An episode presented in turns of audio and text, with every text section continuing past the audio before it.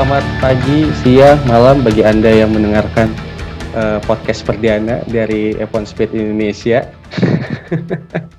sebenarnya apa ya? Uh, sebenarnya kita udah kayak bikin semi-semi podcast di YouTube, cuman bukan bukan podcast sih, lebih lepatnya kayak ngobrol-ngobrol biasa. Karena gue secara pribadi nggak terlalu suka dibilang podcast kalau muncul di YouTube. Cuman hmm. uh, kemarin apa namanya uh, karena kepanjangan dan ya kita kira mungkin se, se ya lebih baik dipindahin ke podcast karena satu jam lebih. Ya mungkin ini podcast kali ini walaupun perdana ngerekam niat podcastnya tapi podcast uh, episode kedua mungkin ya? Iya bisa dibilang kayak gitu. Iya. Oke, okay, uh, bers uh, bersama gue sekarang uh, Alwi Akbar dan Azim sebagai kontributor utama di F1 Speed Indonesia. Kita akan membahas ya mungkin cukup panjang lebar ya soal balapan uh, hari Minggu kemarin yang menurut gue bagus-bagus. Bagus ya. Seru masuk sangat bagus. Sangat gimana ya kalau misalnya di uh, dibayangin tuh berapa tahun berapa tahun sekali sih kita ngelihat balapan yang kayak gitu?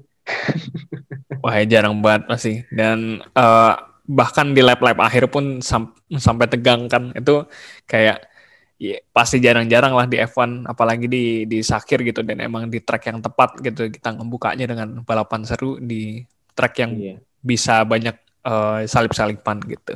Iya, dan apa ya? Uh, kalau gue pribadi mengingatkan ini ke zamannya Kimi Raikkonen sama uh, Fisichella waktu di Jepang tahun 2006 gak sih? Pas beberapa iya, lap terakhir. Nah, kan apa namanya? Iya benar. Kan Kimi Raikkonen kan undercut kan? Mau ngejar mm-hmm. ngejar Fisichella 8 10 atau 8 lap terakhir rupanya pas di dua lap terakhir bisa ngejar lah.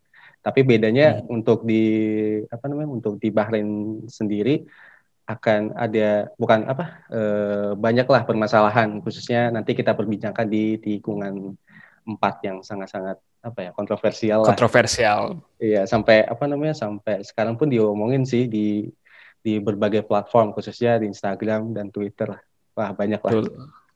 Dan uh, ya kita akan ngebahas nantilah kalau bahas uh, di papan atasnya yang Max Verstappen sama uh, Lewis Hamilton. Kita Hamilton.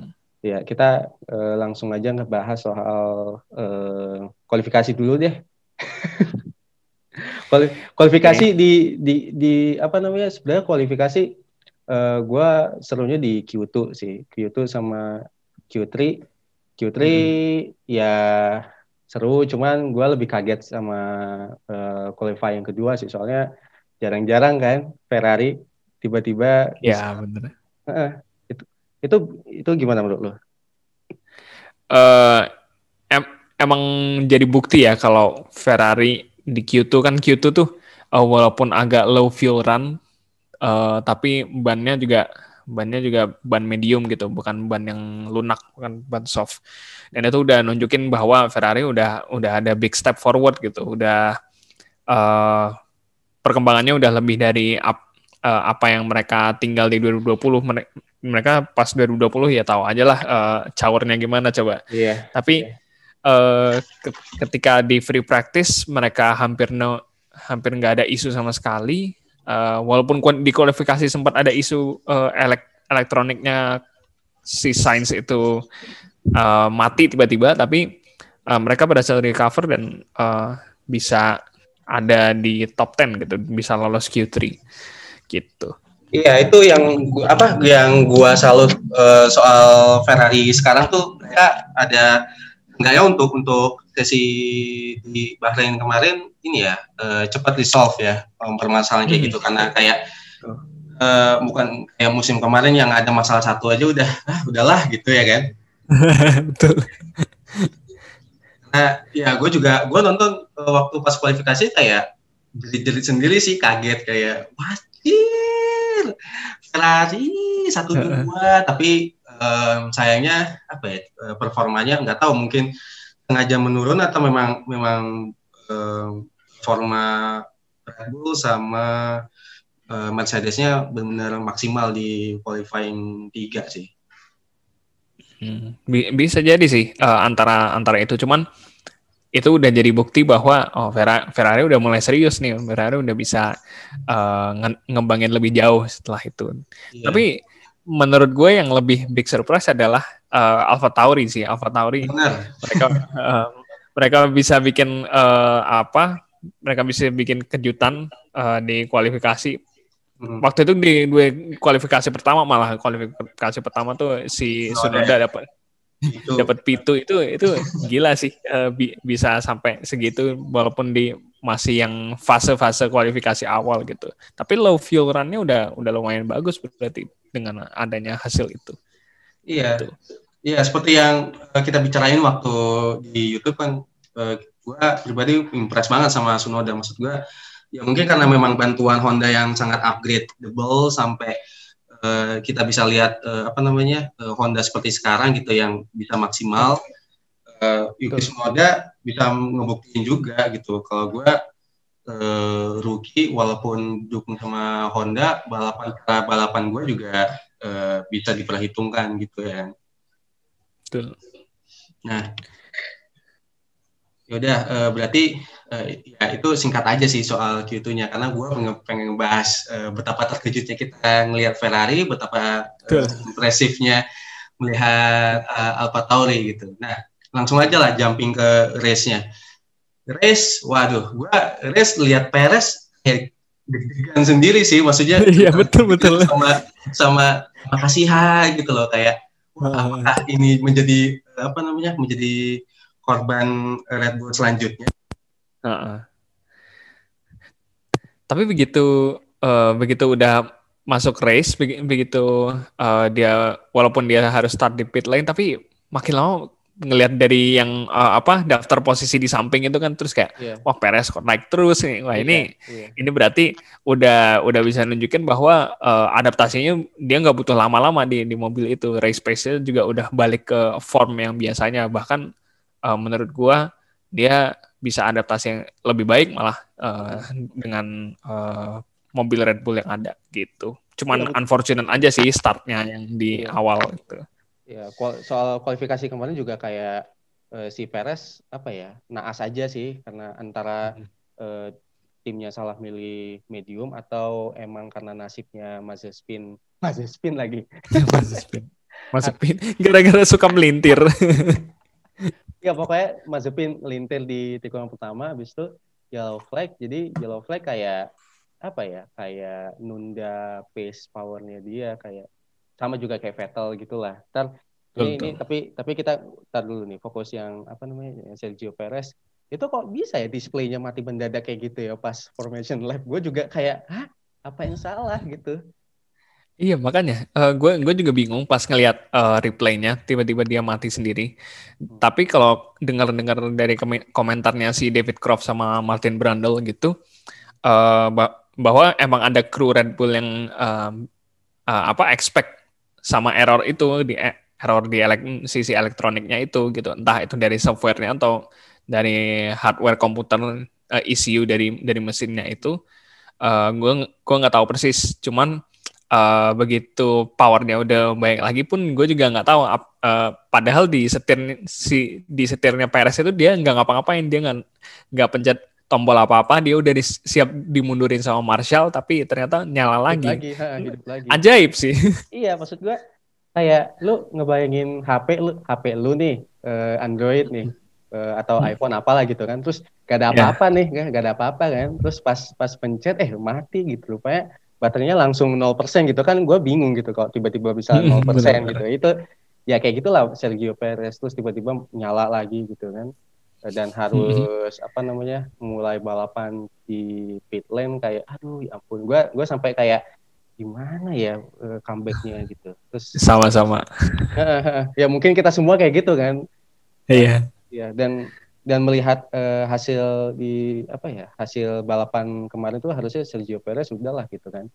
Uh, sampai mm -hmm. Sergio Perez uh, bisa jadi tandem yang bagus buat Red Bull gitu untuk -hmm. untuk membantu tim di di kejuaraan pabrikan gitu ya kan mm -hmm. betul, betul. itu sih uh, apa pace-nya juga udah udah balik lagi ke awal mm -hmm. uh, dia udah udah bisa ngebuktiin bahwa adaptasi yang dia nggak perlu lama-lama uh, dia udah bisa uh, ngelibas banyak ini banyak mobil da, uh, dalam rentang uh, satu balapan sampai P5 akhirnya finish P, yeah. P5 P6 yeah, P5 P5 P5 P5 soalnya P5. P6 ini ya Charles kalau nggak salah. Iya, so, dia terakhir overtake Leclerc.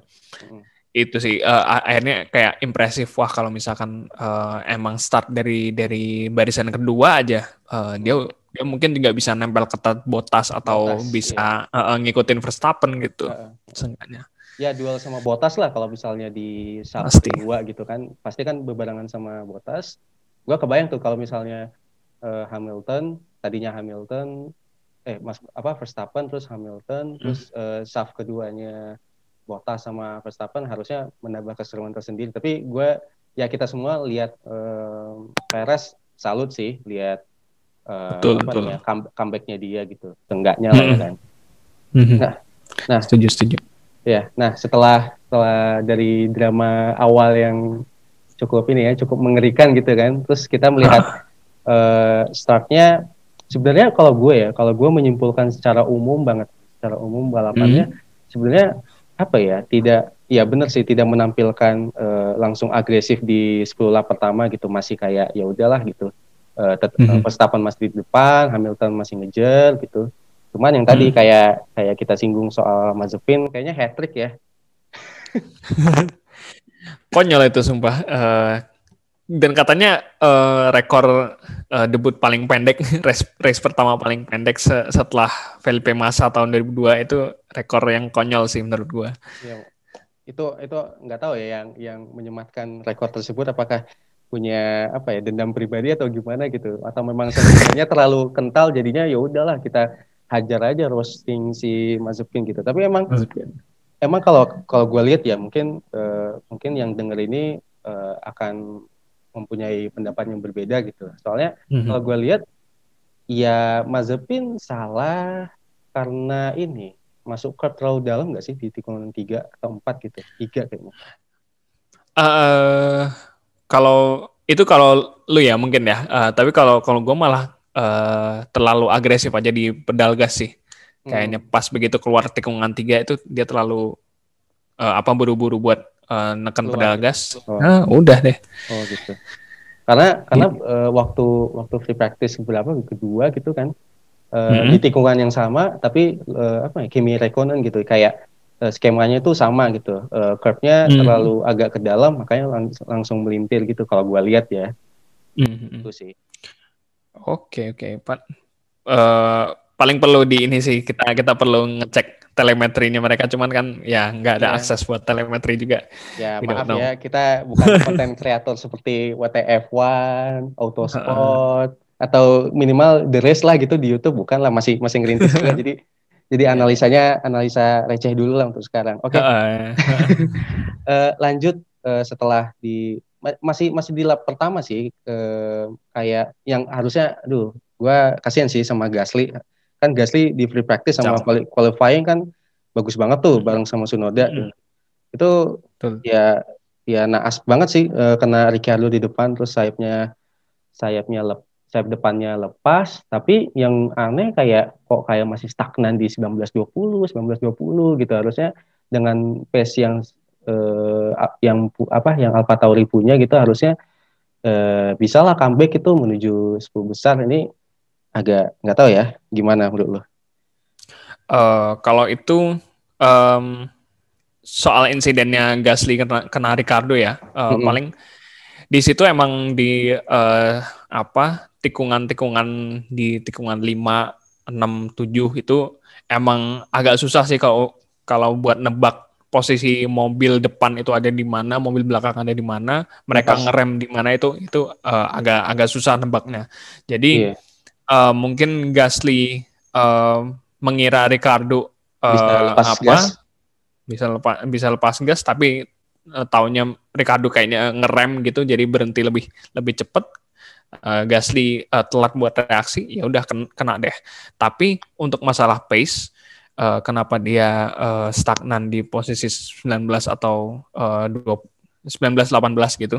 Mm-hmm. Kayaknya mungkin uh, dengan damage-nya sih kan sayap depannya itu kayak masuk dulu ke uh, ke bawah floor deket floornya si mobil itu. Entah itu ada da- damage di uh, floor di lantai uh, floornya gitu atau nggak di bargeboardnya gitu. Dan itu ngaruh sih buat ya ngaruh buat uh, putaran-putaran selanjutnya. Mungkin itu iya. kayak yeah. Kayak kenapa apa ya Gasly susah bangkit gitu ya kan. Betul. Ya dia masih di apa ya uh, memasuki sektor kedua nih uh, masih di lap satu. Mick Schumacher melintir juga ternyata. Lap masih lap satu atau udah masuk lap kedua kalau nggak salah tuh? Itu kayak itu kayaknya udah setelah safety car selesai. Uh, oh iya. it, uh, itu setelah safety car selesai lap keberapa lap kesekian? Tiga atau empat kayaknya ya. Mm -hmm. itu uh, dia dia masuk uh, tikungan 4, tikungan 4. Nah, nanti uh, bakal ada kontroversi banyak di situ. Oh, gitu. Jadi uh, dia melintirnya di situ kalau nggak salah. Iya, iya. Oh ya, BTW BTW so, uh, sebelumnya kalau balik lagi soal Mazepin ini ya agak agak hampir uh, jantungan juga soalnya hampir di Javu gitu, hmm. tapi arahnya di sisi kiri lintasan pas uh, di RS tuh. Kan oh, iya. kemarin tahun kemarin kan justru di sisi kanannya kan. Uh, kalau Mazepin kasusnya di sisi kiri lintasan masuk di RS itu kayak uh, di Instagram di Twitter kayak langsung langsung apa namanya langsung panik tapi kemudian beberapa saat kemudian kayak oh ya udah udah santai lagi gitu. Maksudnya karena nggak tahu apakah karena karena memang selamat aja Mazepinnya atau karena memang Mazepinnya uh, kena accident terus ya udahlah kalau misalnya misalnya ada hal buruk yang terjadi di Mazepin ya udahlah bodo aman gitu. Kayak iya mungkin sentimen publik masih masih begitu sih kayak ah hal buruk terus uh, apa siapa yang siapa yang kena nih kita masukin ah oh, bodo amat, amat.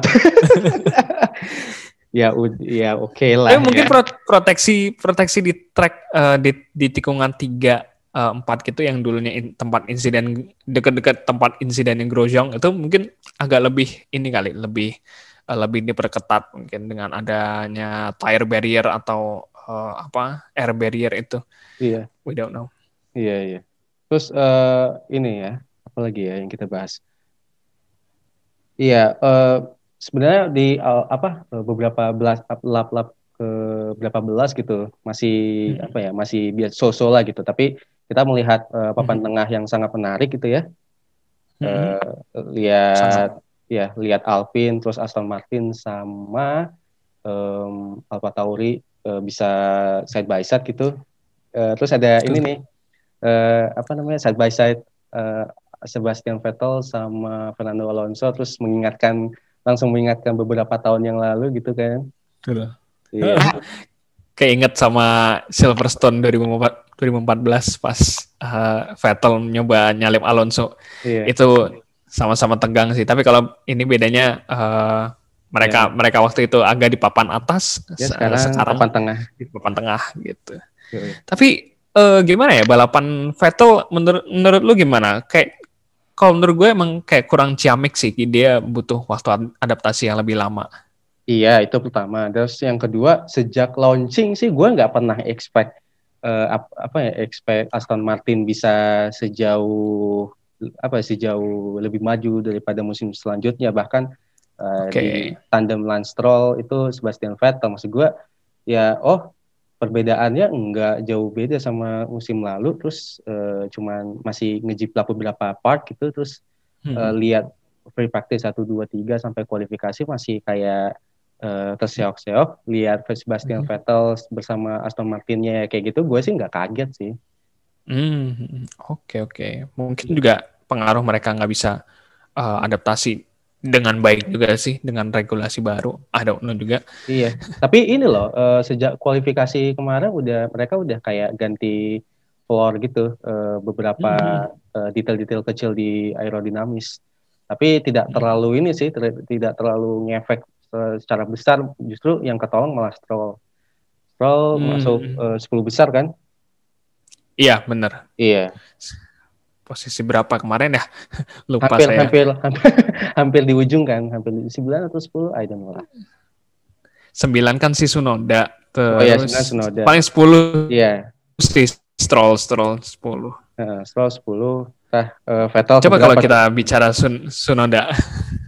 Iya, Sunoda ini Tuh, ya. berapa berapa ya? Wah, turun banget.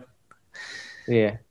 Uh, iya, kalau btw langsung ke kalau ngomongin soal Sunoda, gue apa ya selalu selalu senang lihat nih anak gitu kan uh, mencetakkan hmm. sejarah sebagai pembalap termuda, iya dan kelahir apa pembalap pertama dengan kelahiran di abad 21.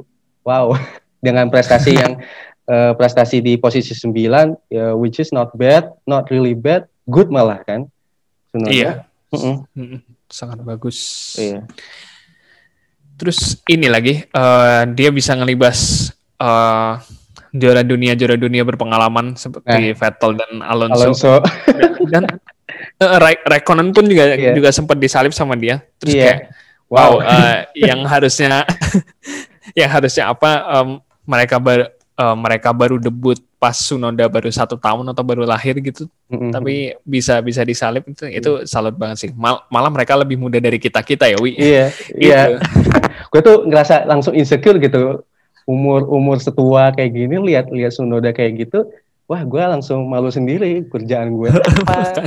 Sedangkan Sunoda udah, umur 20 tahun awal udah uh, menghasilkan prestasi ya 10 besar di F1, orang Jepang lagi. Wah udahlah. Iya itu itu gila sih. Uh, dan kayak yang opini yang pernah gue gua tulis di uh, eh, IG-nya F1 Speed mm-hmm. uh, kalau ada yang ada yang tahu Sunoda itu ya bukan rookie main-main sih kalau ngelihat kalau ngelihat kayak gitu. Dia ya, dia emang berani dia emang berani dia emang punya speed dia punya uh, skill walaupun pengalamannya kayak nihil gitu uh, yeah. karena karena rookie.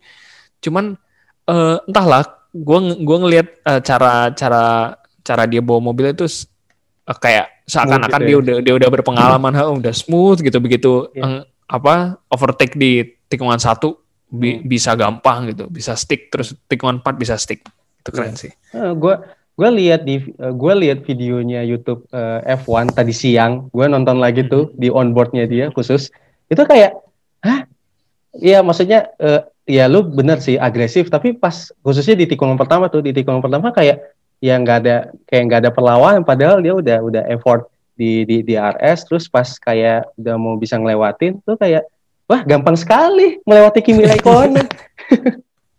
Pembalap pembalap termuda mengalahkan pembalap ter, ter, tertua di di lintasan. Itu kayak wajir kayak uh gitu terus uh, ya gue gua nggak bisa berkata-kata ya lihat parah sih fantastis. Fantastis gue uh, apa uh, tapi gini uh, agak out of topic tapi tetap ngebahas Sunoda. Menurut lu apakah Sunoda akan promosi lebih cepat ke Red Bull atau gimana Ah, itu masih perlu di ini lagi sih. Masih perlu dilihat lagi ini gimana yeah. nanti nasibnya si Perez. Uh, atau yeah. mungkin kalau Verstappen tiba-tiba tiba-tiba harus break close dan harus uh, keluar dari Red Bull mungkin Gak mungkin, bisa, gak mungkin. Gitu. kalau Max gak mungkin.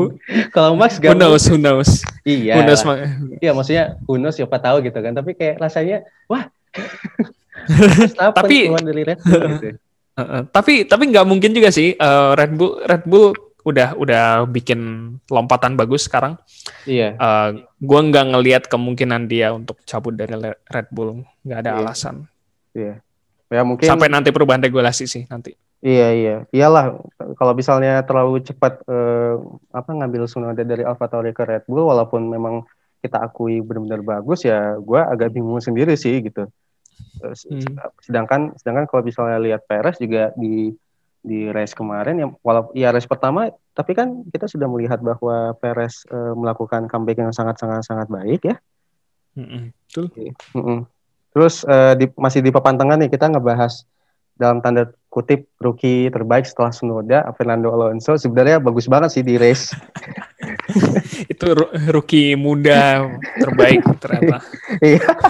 uh, bersaing sama Sunoda bener kan? Bersaing sama bener, Sunoda. Bener bener. bener. Nggak salah loh kita. Bener, uh, sesi kualifikasi kita nggak nggak nggak pernah nyangka bisa nembus di kualifikasi ketiga dan selama balapan sampai ke pertengahan lap bagus banget sih, bagus banget bisa maintain di 10 besar gitu walaupun kadang-kadang 10, 11, 12 merosot lagi habis itu bisa undercut bisa langsung ke 7 uh, ya sekitaran segitulah ya kan. Hmm. Tapi tapi gue kaget juga pas uh, lihat uh, tiba-tiba kok Alonso masuk pit terus ternyata pas dibilang sama Kravitz ternyata ada permasalahan di rem panas rem gitu kan hmm. remnya overheated hmm. gitu terus terus hmm. kalau ya lu lu akan lu baca juga beritanya besoknya ya kan besoknya pas iya, dilihat yeah, mengapa penyebab uh, overheated di remnya Alonso ternyata ada sampah sandwich di situ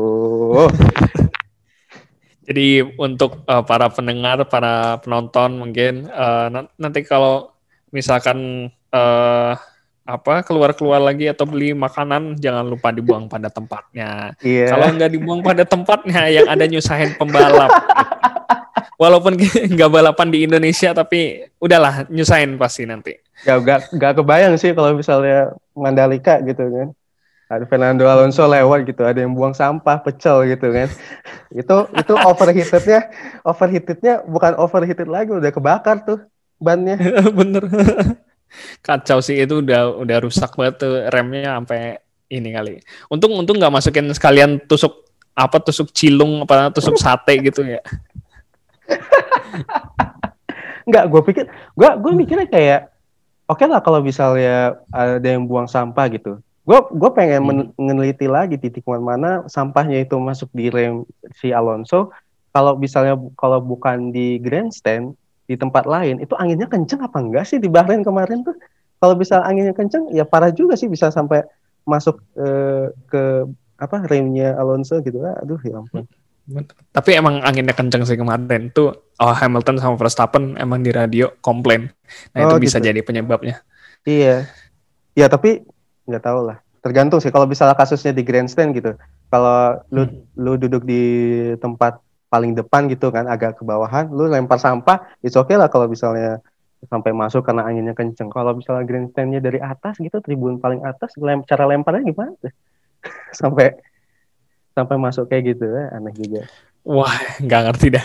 iya, nggak nggak. Sorry ya, sorry para pendengar. Gue lagi, gue gue kalau spekulasi sampai terlalu jauh begini. Tapi uh, balik lagi sih soal Alonso secara secara umum gue lihat Alonso bagus sih uh, untuk ukuran ukuran dia untuk comeback di F1 uh, eh, terus di Alpine uh, bagus sih. Tentu. Ya, karena memang dia punya pengalaman uh, pegang mobil F1 pertama, dia hmm. juara dunia, ya pastilah itu.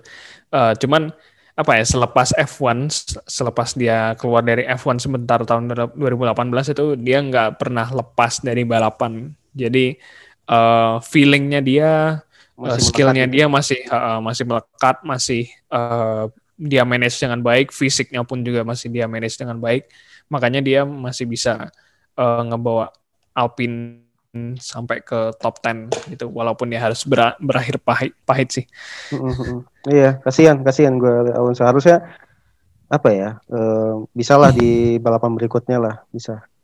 Mm-hmm, Patah hati kali ngelihat Honda podium atau nge-pole iya. position pas iya. bawa di bawah Verstappen. Tapi uh, selain selain Alpine sebenarnya uh, yang paling ini ya uh, salah hmm. satu yang paling impresif di papan tengah bukan papan tengah lah ya sekarang ya. Maksudnya mau masuk papan atas gitu tapi masih malu-malu gitu. McLaren gimana nih? Iya. Yeah. uh, McLaren uh, Norris sih. Norris, Norris yang kayak eh, nggak uh, terduga gitu. Mm-hmm. karena uh, diam-diam dia dia ternyata berhasil finish di P4 yep, kalau nggak salah. P4, P4 uh, depan depan Perez.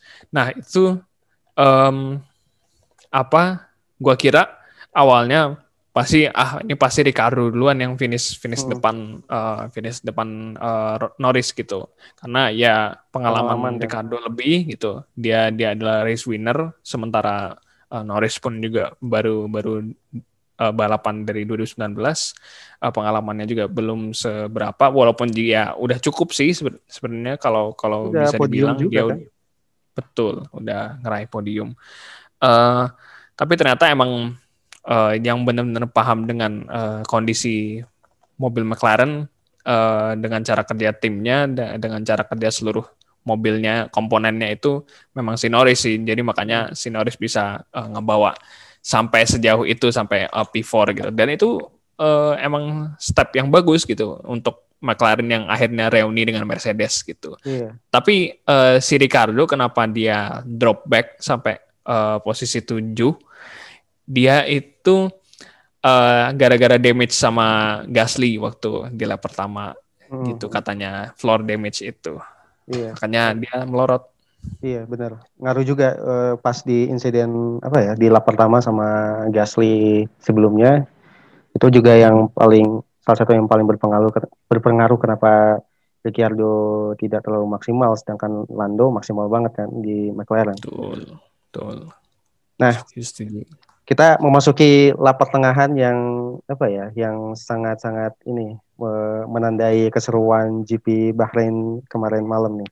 Ini hmm. uh, gua gua melihat uh, Mercedes dengan Lewis Hamilton tidak ini ya, tidak tidak biasa gitu. Karena Uh, bagi gue kalau pas lihat um, Lewis Hamilton masuk lap uh, lebih dulu kayaknya nggak unscheduled sih nggak sih itu Lewis Hamilton kayaknya unscheduled sih. Eh uh, entah unscheduled kalau nggak uh, miskalkulasi dari uh, si si tim Mercedes ya strategi tim Mercedes ya karena uh, gue gue ngelihat dari kalkulasi pit set, uh, pas Hamilton udah selesai pit terus tahunnya Verstappen belakangan dan uh, Verstappen bisa extend uh, apa masa masa si bannya itu uh-uh. uh, dia itu kayak wah ini Mercedes uh, salah salah ambil strategi ini Verstappen bisa bisa ngambil uh, apa pelan-pelan bisa bisa naik terus bisa nyusul uh, Hamilton uh, sepersekian detik per lap gitu. Yeah. Yang paling paling ada mis miskalkulasi di di situ di, oleh uh, tim Mercedes tapi uh, namanya juga strategi ya kita, kita uh, nebak-nebak uh, uh, nggak nggak pernah tahu ada yang akurat ada yang tepat gitu. Uh. selain bisa dibuktikan gitu. Iya tapi kalau lihat uh, dari komentarnya si apa ya si David Croft sama siapa? Lupa lagi. Ah lupa Martin lagi. Brandel. Martin, Martin Brandel astagfirullah. Iya, maksudnya khususnya Martin Brandel bilang kalau itu memang diniatkan uh, undercut karena ngerasa kayak uh, udah desperate banget nih ngejar ngejar ngejar Max Verstappen karena hmm. kan tadinya medium ya, medium medium atau soft medium ya. Tadi medium medium tadi. Iya, medium. medium terus uh, undercut duluan pindah ke soft eh pindah ke hard sedangkan nah, hard iya ke hard terus sedangkan si si Max Verstappen-nya masih kekeh uh, overcut, uh, dia uh, apa Mercedes mengekspektasikan untuk uh, mumpung lagi ban segar nih, terus hard, terus uh, long lasting tire, bisalah mm -hmm. uh, dengan dengan pace-nya yang cukup gitu dan dan, dan terbukti sih beberapa kali fase lap gitu dan bisa ngejar uh, Verstappen per sekian detik gitulah. Betul. Betul betul. Tapi banyak yang bilang um, kayak Max Verstappen terlalu ambil beresiko, terlalu lama, terlalu lama di ini kan, terlalu lama di lintasan, nggak ngambil ngambil pit stop gitu. Hmm. Ya itu tergantung kalkulasi tim gitu untuk bisa uh, setiap tim kan pasti ada strategisnya sendiri. Uh, mereka yang bagian ngitung-ngitungin kalau misalkan masuk lap segini uh, dengan ke keadaan ban segini itu gimana nanti uh, bisa ngejar nggak, bisa uh, cut gap nggak ke pembalap yang ada di depan, bisa uh, apa pace-nya bisa konsisten apa enggak gitu dengan skill Verstappen yang ada. Nah, yeah. selama selama uh, menunggu uh, apa perintah untuk masuk pintu ya apa yang bisa dilakukan pembalap ya hanya memanage uh, bannya itu gitu. Iya. Gimana caranya uh, ban itu pada awet dan bisa sampai garis finish dengan selamat gitu. Dengan selamat ya. Betul. Kalau nggak selamat ya itu tadi si Alonso gimana? Nggak kalau kalau Alonso lebih ke up memang benar-benar apes aja sih. Apes. uh, yang isengin naro sampah sandwich ke remnya dia gitu kan. Tapi uh, kalau misalnya uh, Sergio Perez ya tadi kayak kita bilang uh, comebacknya bagus ya. Uh, terus kalau misalnya lihat Botas agak lucu sih. Walaupun hmm. pit stopnya parah sampai 10 detik lebih tapi bisa maintain di podium tuh. Keren. Betul, betul. Walaupun ketinggalan jauh sama Hamilton sama Verstappen sih. Ya namanya juga Botas wingman. iya wingman. Dan dan bisa uh, ambil fastest lap di beberapa lap terakhir karena sebelumnya langsung ambil soft kan buat ngejar poin yep. fastest lapnya. Gila sih, gila. Nah, kita akan sampai pada pembahasan yang sangat-sangat ini ya, sangat-sangat ramai diperbincangkan nih soal mm-hmm. uh, 10 lap terakhir. Nah, 10 lap terakhir ini sebenarnya uh, kan kan sebelumnya si Max Verstappen udah udah pit tuh. Dan hmm uh, memang terbukti sih bisa ngejar sampai ke zona DRS kan. Betul. Itu uh, dan kemudian pas di gapnya udah 0,5 sekian dan hmm. di, tikungan, di tikungan pertama udah udah makin dekat makin dekat sampai akhirnya di tikungan keempat kayak oversteer understeer terus agak ngelebar tapi bisa masih bisa ngelewatin. Dan itu hmm. gimana gambaran lu? Karena karena gini, Martin Blandel bilang iya bisa ngelewatin. Tapi kita lihat dulu nih si Lewis Hamilton sama sama Mercedes uh, bakal protes gak atau bakal komplain gak soal uh, apa ya langkahin di tikungan keempat dan terbukti udah dikasih tahu sama uh, bagian race directornya dan uh, Verstappen ngalah. Itu kalau hmm. misalnya pandangan lu di tikungan empat apakah memang memang nggak boleh atau gimana nih? Soalnya ah bingung gue.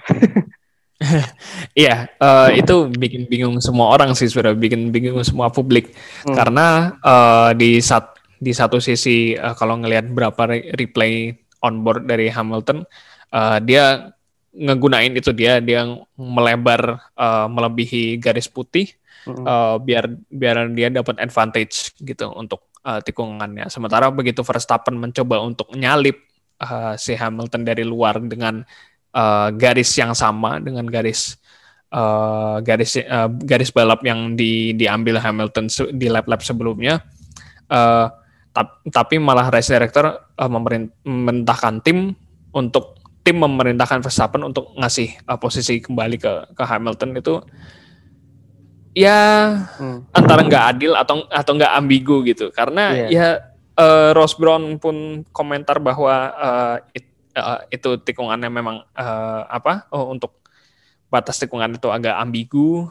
Uh, tim-tim juga bilang begitu, Christian Horner bilang begitu, tim-tim prinsipal bilang begitu. Tapi entahlah uh, Toto Wolff itu ad, dia agak uh, bilang ya rulesnya ambigu, cuman apakah dia uh, apa memprotes atau tidak ya, enggak, enggak, enggak tahu mungkin mungkin enggak lah Tapi nah ini permasalahan permasalahan besarnya di sini nih. Uh, yang pertama adalah tikungan empat itu tidak konsisten karena di di kualifikasi atau di free practice itu jelas bilangnya bahwa hmm. kalau lu di tikungan empat dan lu ngambil advantage banyak di situ waktu lu hmm. dibatalin. Sedangkan hmm. uh, apakah uh, ya pas di race uh, Lewis Hamilton 29 kali lewat situ fine-fine aja dan uh, mau yang yang mau ke 30 baru di ini baru dikasih tahu sama race directornya. Nah, ini kan yang menjadi perdebatan besar selain karena Max Verstappen gagal menang di ini kan di Bahrain kan. Iya. Bener. itu uh, ya itu emang uh, harus dibikin apa ya formulasinya dari peraturan itu gimana harus lebih jelas biar uh, tim punya guideline yang jelas, pembalap pun juga guideline-nya juga jelas. Uh, mereka harus ngambil tikungan itu kayak gimana, gitu iya. deh. Iya, benar benar benar. Dan uh, akhirnya uh, pada akhirnya intinya ini nih pertarungan di tiga lap terakhir sesudah apa ya sesudah kejadian di uh, tikungan keempat. Sebenarnya mm -hmm. Apakah benar uh, memang Max Verstappen memang kesusahan di exit corner atau memang uh, Lewis Hamiltonnya defense-nya jago dan ya kita tahu pengalamannya selama tujuh kali juara dunia ya inilah buktinya gitu. Sebenarnya emang dua-duanya sih uh, hmm. itu faktor dari keduanya. Uh, hmm. Max Verstappen kayaknya udah di dua lap dua lap terakhir itu udah kesulitan banget karena bannya habis entah itu karena untuk ngejar dari awal setelah dia overcut atau dia men uh, harus ngejar dengan nyalip-nyalipin traffic uh, harus yeah. nge-overlap banyak-banyak pembalap itu kan itu itu kan juga butuh uh, pace, butuh uh, ban juga. Mm. Um, paling uh, itu uh, yang yang gua yang gua rasa kenapa Verstappen akhirnya pun, uh, kehilangan ban di tiga dua lap terakhir itu uh, sempat melintir di tikungan ke ke mm, 13, 13 atau tikungan 12 gitu. Iya. Ya, tikungan 13 itu dia dia sempat sempat exit itu melintir dikit tapi masih bisa dikontrol. Nah, itu itu kayak wah ini bannya udah habis nggak bisa kejar lagi nih.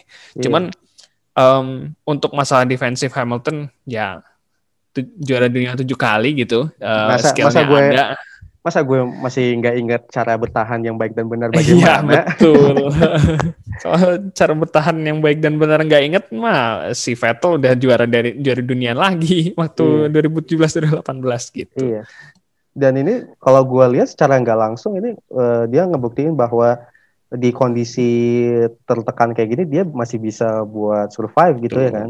Karena betul. selama iya karena selama ini yang kita tahu uh, sentimen terhadap Hamilton tuh terlalu apa ya terlalu menjerumus ke mobilnya yang terlalu overpower terus dia terus makanya si Hamilton dianggap kayak ya effortless lah ya kan mm -mm.